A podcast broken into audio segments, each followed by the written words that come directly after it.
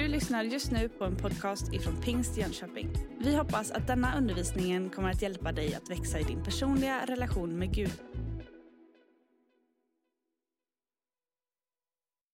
Psalm 119. Det är Bibelns längsta kapitel. Det här är en psalm som är skriven i en slags alfabetisk form av poesi.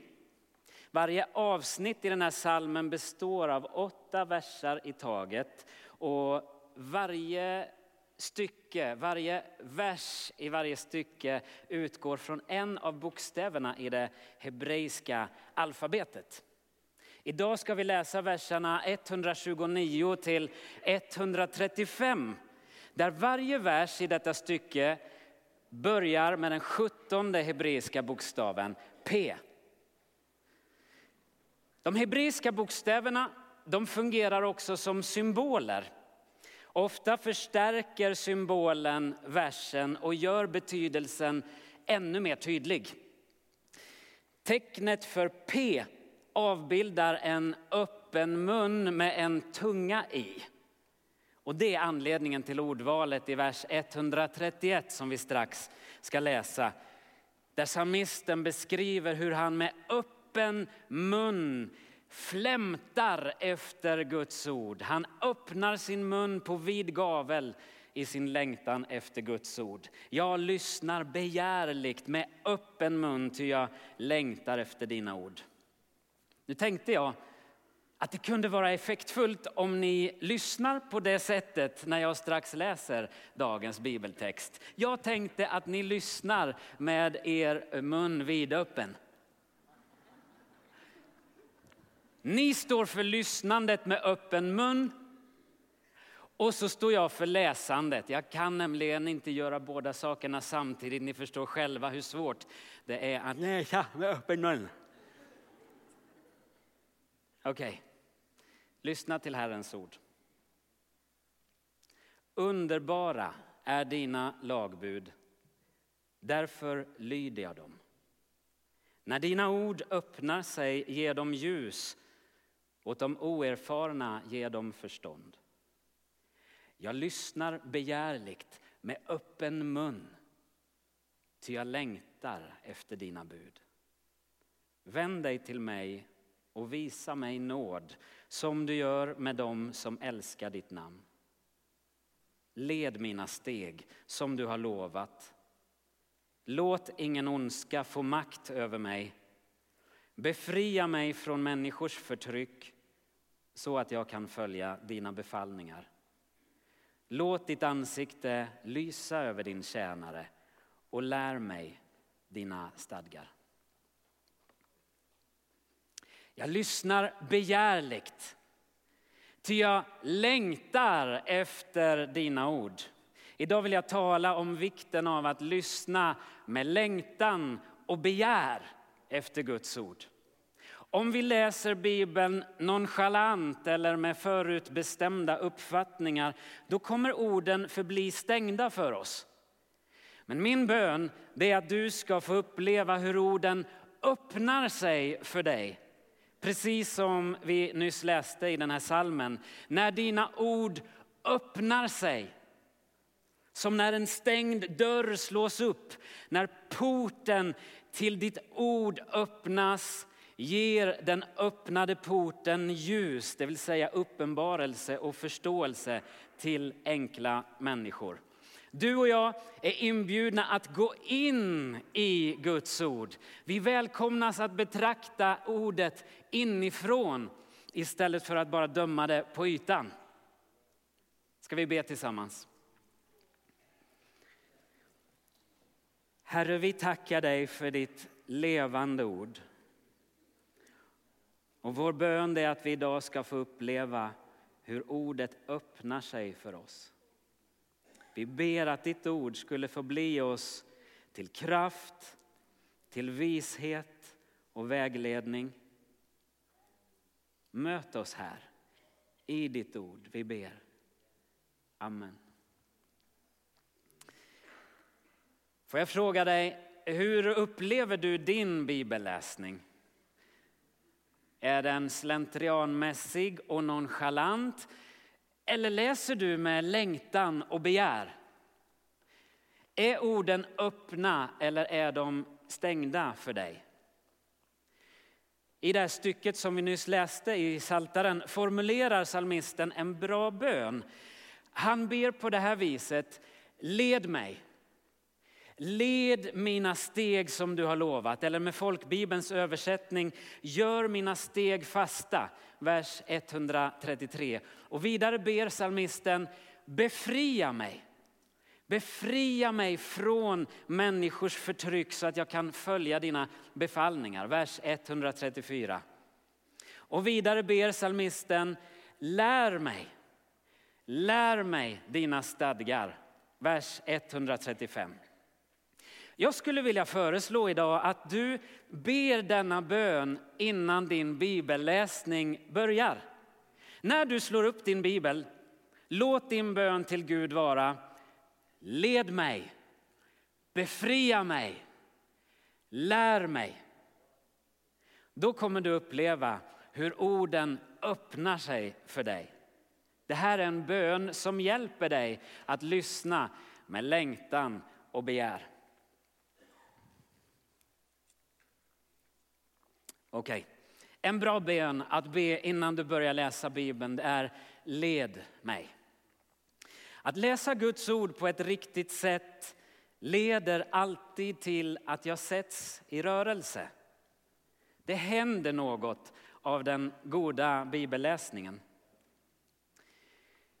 När Jesus vandrat kring landet Israel en period så uppväckte han allt mer uppmärksamhet där han drog fram. Nu rådde oenighet bland eh, folkhopen och de religiösa fariseerna huruvida Jesu gärning och undervisning stämde överens med skriften.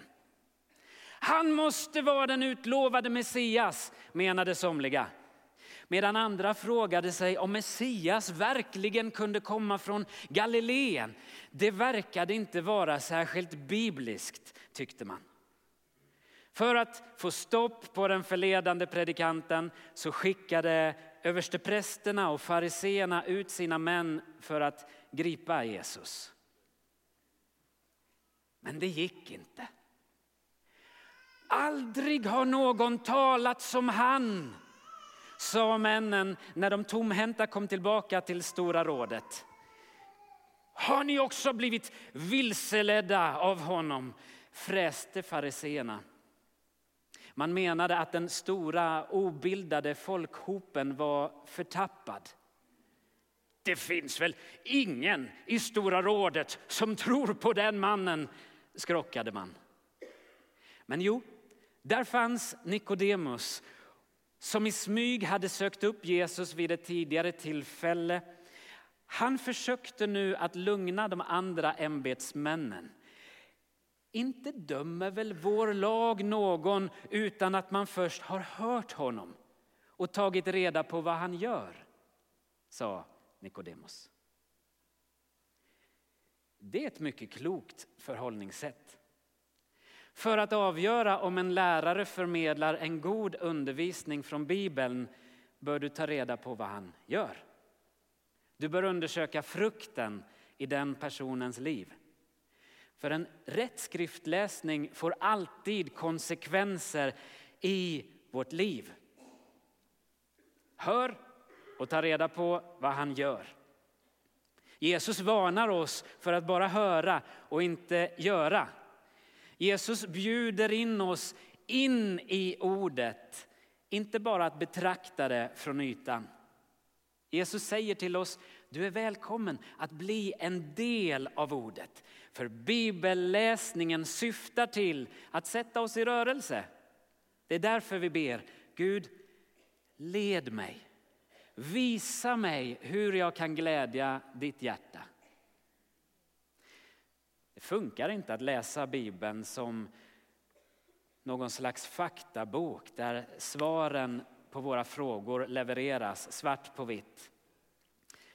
När Martin Luther säger att Bibeln är tillräcklig som vårt rättesnöre då innebär inte det att vi kan handskas med Bibeln som att den vore ett uppslagsverk med svar på alla frågor som vi någonsin kan formulera. Nej, Bibeln är en samling av 66 olika dokument. Det är litterära dokument av olika genrer. Här ryms personliga brev, lagtexter, historia, poesi och annan vishet. Bibeln täcker inte allt som någonsin har hänt. Och inte kan väl en fullständig beskrivning av Gud rymmas i 66 böcker? Nej, Gud är större än så. Det kan hända att det är en smärtsam tanke att påminna sig att inget av det som är nedtecknat i Bibeln är skrivet till dig. Allt som finns skrivet i Bibeln är nedtecknat till någon annan. Paulus satt inte och tecknade ner sitt brev och funderade hur ska jag uttrycka mig så att Niklas i Jönköping om 2000 år kan förstå vad jag vill säga? Och hur ska jag formulera mig så att Agneta i Skellefteå ska begripa? Nej, Paulus han skriver sina brev till en god vän eller till en hel grupp människor i Efesos eller Rom. När vi läser Bibeln då får vi lära oss sanningar utifrån ett budskap som skrevs till någon annan. Vi får lyssna till svaren på frågorna som de bar på. Och så får vi lyssna till frågorna som Paulus eller någon av de andra författarna formulerade tillbaka. Vi kan engagera oss i texten, men den var aldrig skriven till oss. Därför måste vi gå tillbaka till kontexten och fråga oss, vem är det som skriver detta? Vem skriver den personen till? Varför skrev han detta? Vilka frågeställningar är det han svarar på här? Vad var budskapet då och hur översätter vi det till våran tid? Exempelvis så förstår vi att ämnet slaveri inte är aktuellt för oss idag. Därför måste vi förstå vad budskapet är och översätta det till dagens kontext. Annars är risken att vi hamnar mycket långt från andemeningen i texten.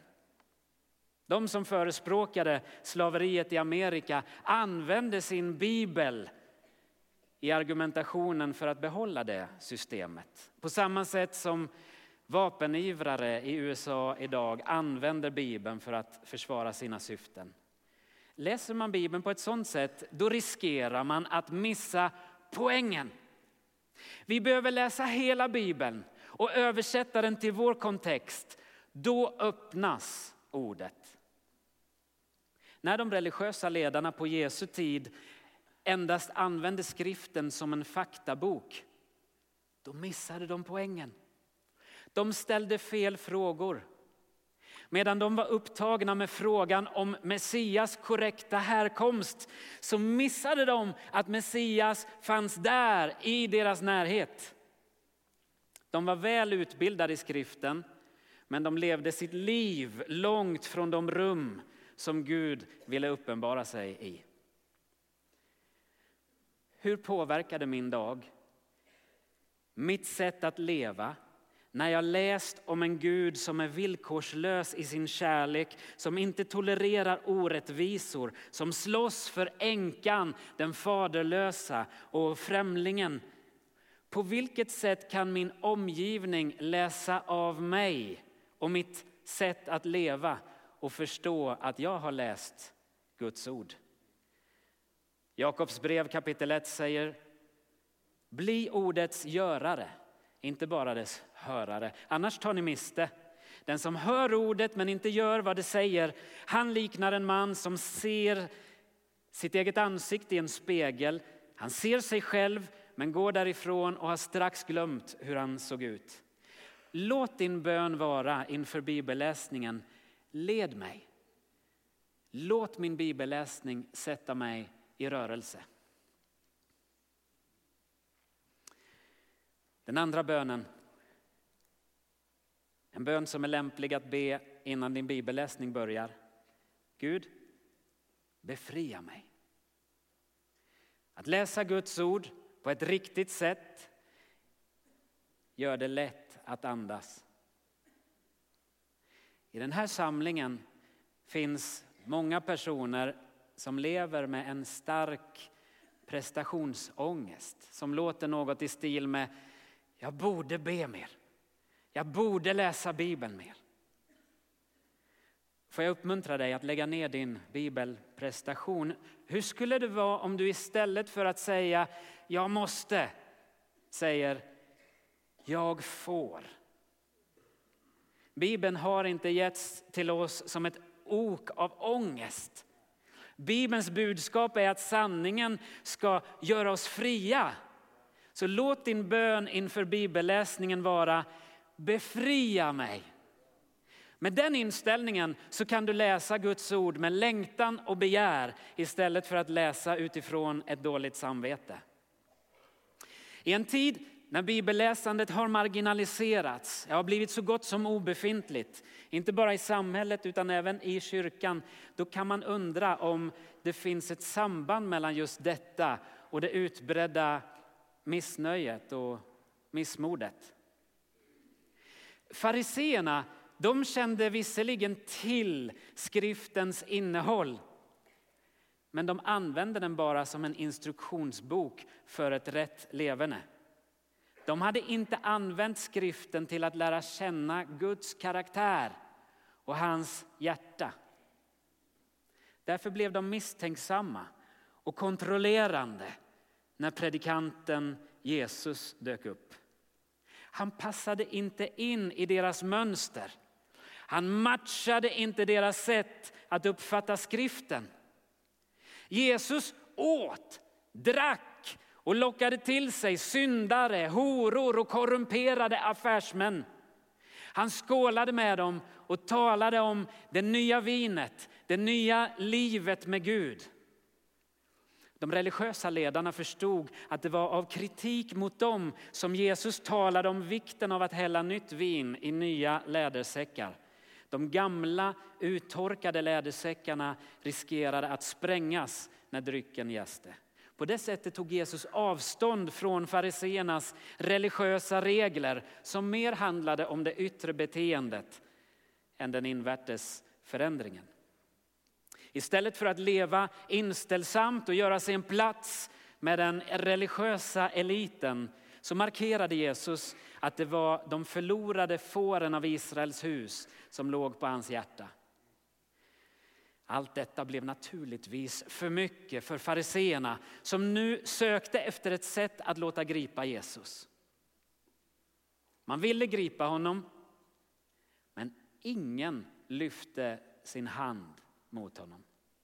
Tjänstemännen som skulle verkställa arresteringsorden av Jesus var överrumplade av hans ord. Aldrig har någon talat som han, sa de. Guds sanna ord och kraft går inte att fängsla. Det gick inte att gripa och stoppa Jesus. Herodes ville döda honom redan när Jesus var ett litet barn men lyckades inte. Nasarets invånare ville knuffa honom ner för ett stup men han gick rakt igenom folkhopen och fortsatte sin väg. Vid två tillfällen tog judarna upp stenar för att döda honom. Man försökte gripa honom, men han kom undan. Inte ens i ett semane där vaktstyrkan drar in med lyktor, facklor och vapen kan man gripa honom. Vakterna vek tillbaka och föll till marken när Jesus sa, jag är den som ni söker. Gång på gång försökte man fängsla Jesus, men ingen lyckades. Det var ingen som tog Jesu liv. Han gav sitt liv. Han gjorde det av fri vilja.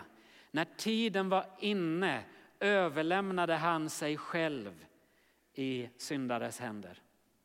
Paulus slår fast i Andra Timoteusbrevet, Guds ord har inte fängslats. Vi läser inte Bibeln bara för att hålla uppe skenet av vår gudsfruktan. Vi läser inte Bibeln endast för att mejsla fram argument för Guds existens eller för att försvara vår kristna tro. Nej, Guds ord försvarar sig självt. Det heter himmel och jord ska förgå, men Herrens ord ska bestå. Guds ord liknas vid ett tveeggat svärd som kan skilja märg och ben, själ och ande. Och det är på det sättet vi läser Bibeln. Utifrån erfarenheten att Guds ord är kraftfullt och bestående. Vi är inbjudna att gå in i detta kraftfält, inte bara studera en manual om det fromma livet. Jag undrar, är din själ fången av människors förtryck idag? Hindras du av dina egna eller andras mening om dig? Idag finns det frihet att få i mötet med Jesus. Den tredje bönen som är lämplig att formulera när du ska läsa Guds ord är Lär mig.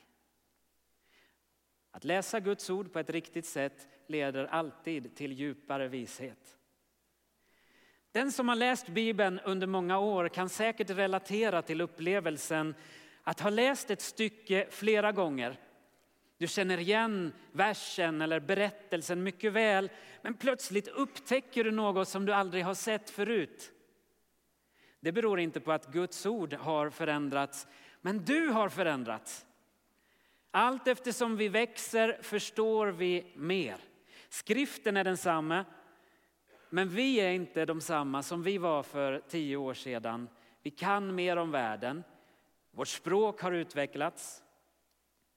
Du och jag kommunicerar på ett särskilt sätt till en treåring och på ett annat sätt till en 25-åring. Och på ett liknande sätt kommunicerar anden med oss på olika sätt och hjälper oss att tolka Bibeln utifrån vad vi är redo för.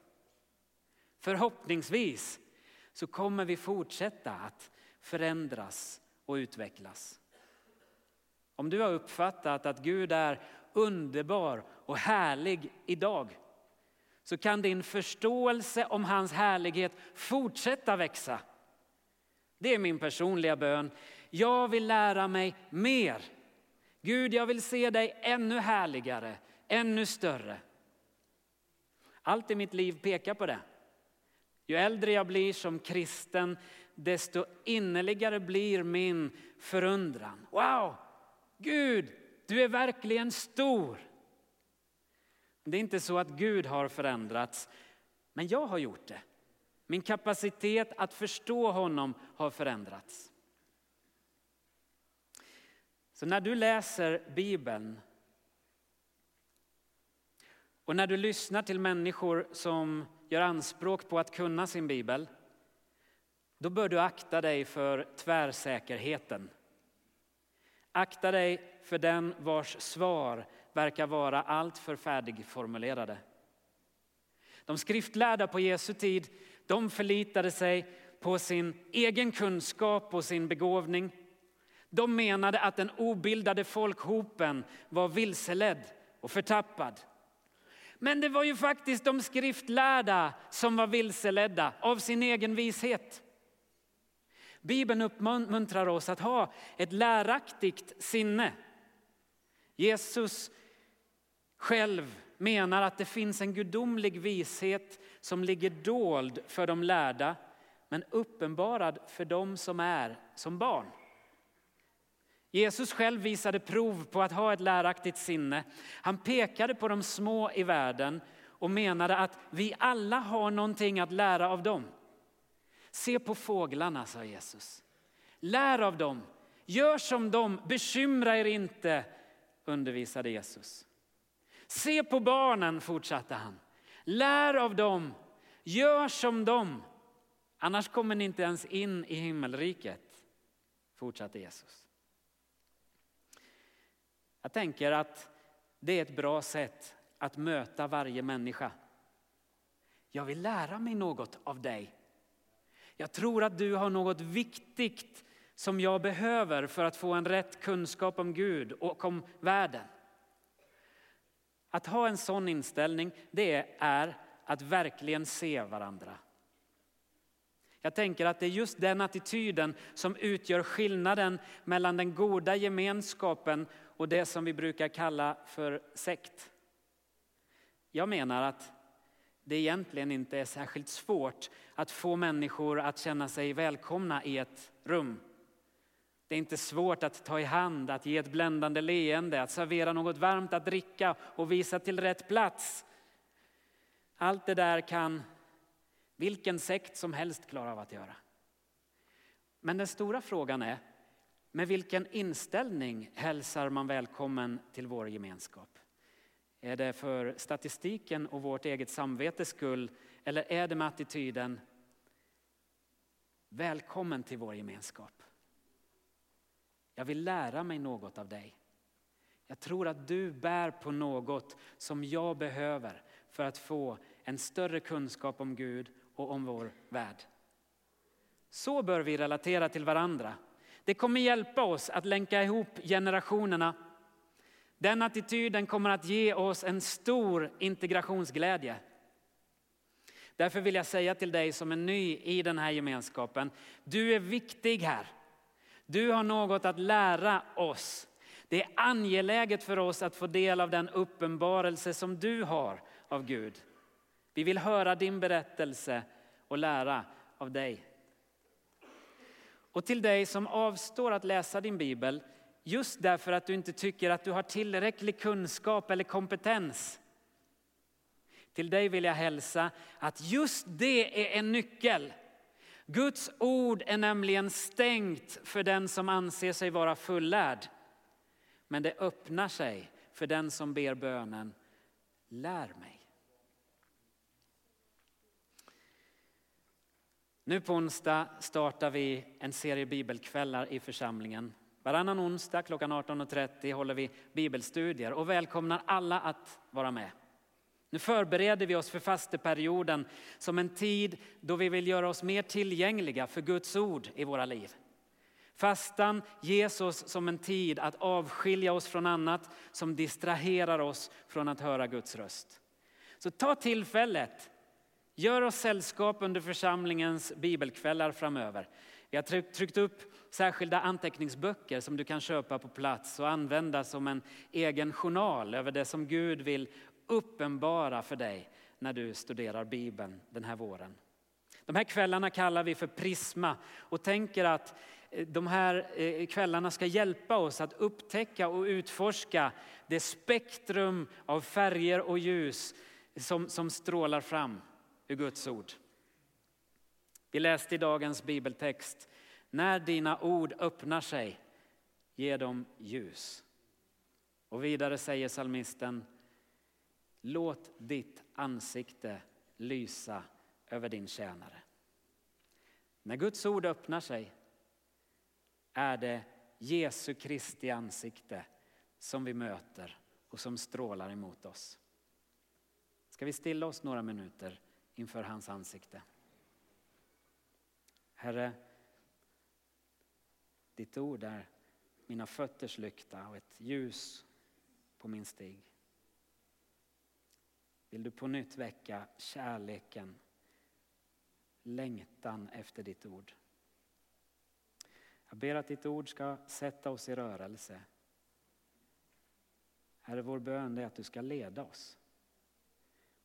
Vår bön är att få se ordet öppet så att vi kan kliva in, bli en del av ditt ord. Låt våra liv bli en del av din berättelse. Sätt vår församling i rörelse. Jag ber för den som av en eller annan anledning känner sig fången och låst den här dagen. Av egen prestationsångest eller av andras mening och tyckande. Vi ber att vi skulle få uppleva en frihetens dag idag. Jag tackar dig för kraften i ditt levande ord. Jag tackar dig att du är här för att lösa bojor den här dagen. Sätt oss fria. Och vi tackar dig helige Ande att du kommit oss till del som en hjälpare. Här för att leda oss in i hela sanningen. Därför är vår bön från hjärtat den här dagen, lär oss. Lär oss. Låt oss tillsammans med alla de heliga fortsätta utforska och upptäcka längden och bredden och höjden och djupet av dig själv Gud. Tack att du öppnar ditt ord för oss. Tack att du låter ljus stråla fram över oss den här dagen. Du har just lyssnat på en podcast ifrån Pingst Jönköping. För att få reda på mer om vilka vi är och vad som händer i vår kyrka så kan du gå in på pingstjonkoping.se eller följa oss på sociala medier via pingstjkpg.